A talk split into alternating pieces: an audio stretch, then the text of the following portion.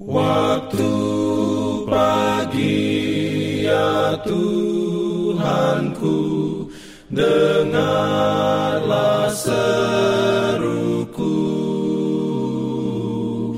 Melayang doa yang sungguh Memandang padamu. Selamat pagi pendengar Radio Advent Suara Pengharapan Mari mendengarkan suara Tuhan melalui tulisan pena inspirasi Yesus, nama di atas segala nama. Renungan harian 9 Februari 2024 dengan judul Roti yang turun dari surga. Ayat inti diambil dari Yohanes 6 ayat 50. Firman Tuhan berbunyi, Inilah roti yang turun dari sorga. Barang siapa makan daripadanya, ia tidak akan mati.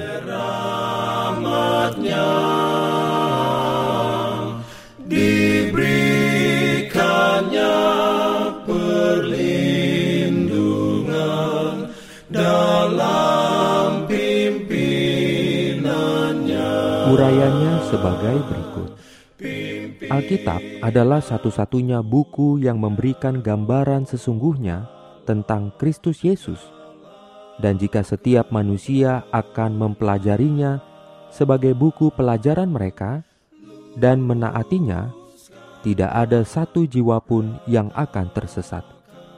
Semua sinar terang yang bersinar di dalam kitab suci menunjuk kepada Yesus Kristus dan bersaksi tentang Dia menghubungkan kitab suci Perjanjian Lama dan Baru. Kristus ditampilkan sebagai penulis dan penyempurna iman mereka. Dialah yang menjadi pusat harapan hidup kekal mereka.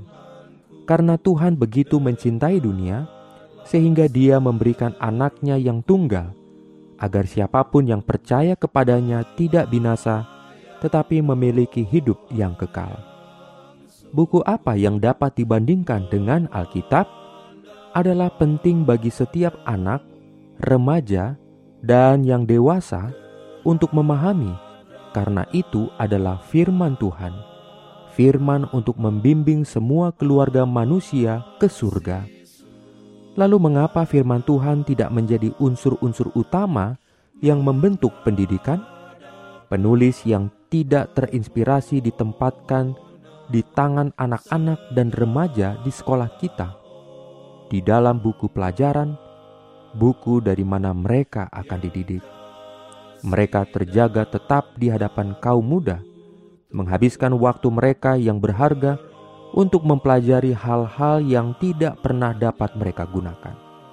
Buku-buku tersebut sama sekali tidak menyuarakan kata-kata Yohanes.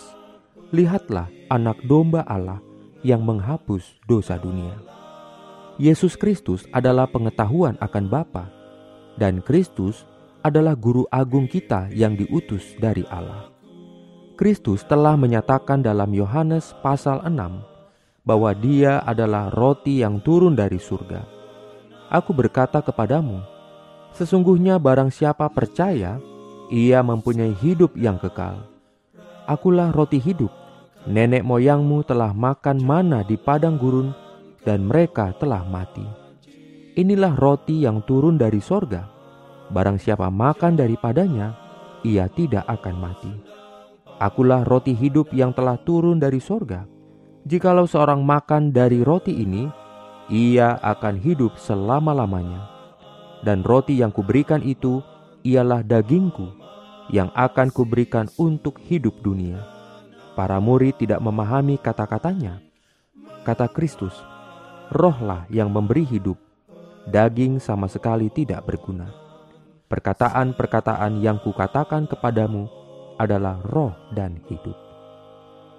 Renungkan lebih dalam bagi Anda. Bagaimana seseorang memakan Yesus, roti yang diturunkan dari surga?